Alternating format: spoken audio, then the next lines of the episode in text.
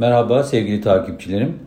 Bu hafta size e, vizyonda bulunan ünlü Amerikalı fizikçi e, atom bombasının sahibi olarak bilinen, babası olarak bilinen Oppenheimer'ın hayatıyla alakalı bir e, konuşma yapacağım. Yazımın başlığı Oppenheimer ve Yahudi fiziği. Ne demek acaba bu Yahudi fiziği? Tarih 1945'in 1 Ekim günü. Diğer bir deyişle Amerika Birleşik Devletleri'nin iki Japon şehrine atom bombası atmasından iki ay, hemen akabinde Japonya'nın teslim olmasından sonraki günlerden biri. Yer Beyaz Saray, Başkanın Odası. Mekanda üç kişi bulunmakta. Başkan Harry Truman, Genel Sekreteri ve atom bombasının babası olarak tarihe geçen ünlü bilim insanı. Truman bu görüşmede kendisine dünyayı değiştirdiği ve büyük savaşın yani 2. Dünya Savaşı'nın bitmesini sağlayan atom bombasını geliştirdiği için diplomatik bir dille teşekkür eder Oppenheimer'a. Kahramanımız ise tevazuyla karşılık verir ancak bir an için sessizliğe düştükten sonra şöyle der. Ama başkanım elimde kan var. Truman çok şaşırır. Karşısında ikonik atom bombasının yaratıcısı, kahramanı değil de sanki pişman olan biri vardır. Truman alay edercesine beyaz mendilini çıkarır cebinden ve bilim adamına verir gibi yapar elini temizlemesi için. Sonra Truman atom bombasının test edildiği yer olan Los Alamos'u ne yapalım diye sorar Oppenheimer'a. Aldığı cevap tam hiddetlendirir başkanı. Şöyle der Oppenheimer. Kısaca. Başkanım kızıl derililere geri verelim Los Alamos'u. Truman sekreterine işaret çeker ve kahramanımız odanın dışına alınır kuru bir uğurlamayla. Sonra da başkan sekreterine bir daha da bu bilmem ne çocuğunu görmek istemiyorum burada der. Kahramanımız Robert Oppenheimer'dır. Amerika Birleşik Devletleri'nin 20. yüzyılda yetiştirdiği en ünlü fizikçi. İkinci Dünya Savaşı'nın ikinci yarısında atom bombasının yapılması için kurulan asker ve bilim insanlarına oluşan tam 6000 kişilik araştırma ekibinin başındaki simge insan.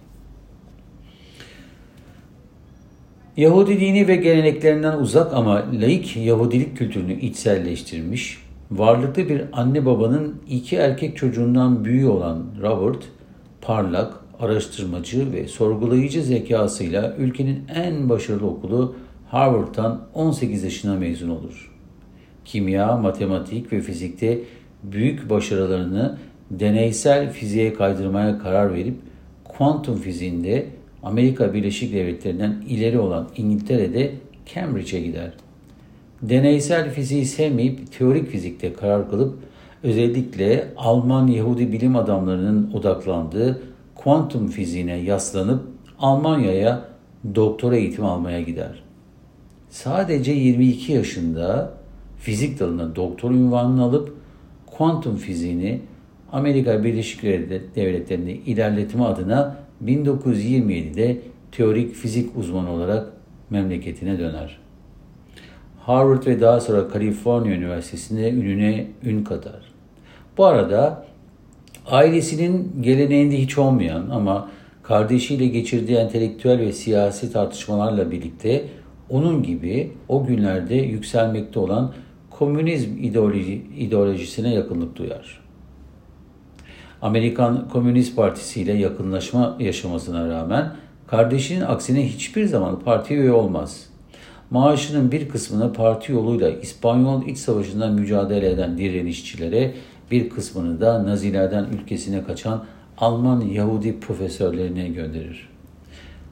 Bu beklenmedik siyasi yönelim elbette Amerikan istihbaratının gözünden kaçmayacak. Oppenheimer'ın üniversitedeki ve siyasi oluşumlarla ilgili aktiviteleri yakın gözlem altına alınacaktı. İkinci Dünya Savaşı tüm hızıyla devam ederken 1941'de FBI gizlice bir soruşturma açar. Nazilerle savaşırken bile sözde müttefiki olduğu Sovyetlerin ideolojisi, komünizmin yarattığı paranoyaya koca ülke yenik düşerek Oppenheimer gibi onlarca belki de yüzlerce parlak çocuklarını bile harcamaktan çekinmez Amerikan yönetimi. Lakin umulmadık bir gelişme olur. ABD yönetimi Nazilerin atom bombasını yapmalarından çok korktuğundan bunu kendilerinin gerçekleştirmesine yönelik nükleer silah ve bomba yapma ve geliştirme hedefleyen gizli büyük bir projeye yani meşhur Manhattan projesine start verir ve tüm bilim dünyası ve istihbaratın şaşkın bakışları arasında o komünist olarak bilinen Oppenheimer'ı projenin başına geçirir Amerikan yönetimi. Nasıl oluyordu da solcu hatta komünist ve o güne kadar hiçbir çalışmaya liderlik etmeyen mütevazi bir bilim adamına devletin yatak odasına sokacak kadar güvenilirdi.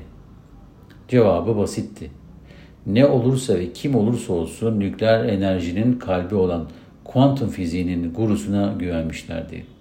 Zira zamana karşı yarışılıyordu ve Almanların durdurmanın yegane yolu atom bombasıydı. Oppenheimer, Almanların bunu başaramayacağını projenin askeri başkanı yarı şaka yarı ciddi şöyle açıklayacaktı. Rahat olun yapamayacaklar zira onların düşmanı antisemitizm bunu önleyecek. Kuantum fiziği Yahudi bilim adamları tarafından geliştirildi. Almanlar bunun Yahudi fiziği olduğuna inandıklarından bu projeyi gerçekleştirecek ne motivasyonları var ne de bilim adamları. Zira kuantum bilimcilerinin tamamı ölüm kamplarına düşmeden kuantuma hep şüpheyle bakan Einstein baş, başta olmak üzere hepsi Amerika'ya kaçmıştı bile.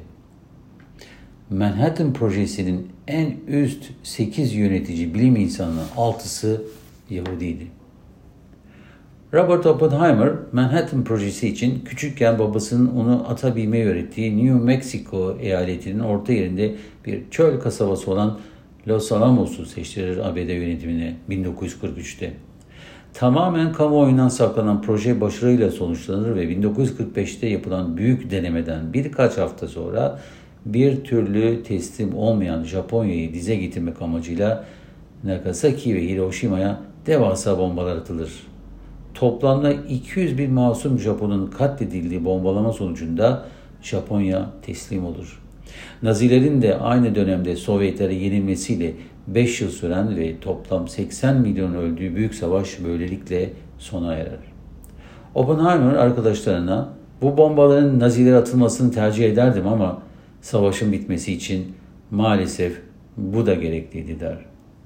Nükleer bombanın yıkımının bu silahın bir daha kullanılamayacağının garantisi olduğunu düşünür ve sonra da vicdan muhasebeleriyle geçirir yıllarını.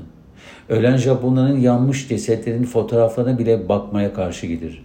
Unutmaya çalışmak ister ama başaramaz.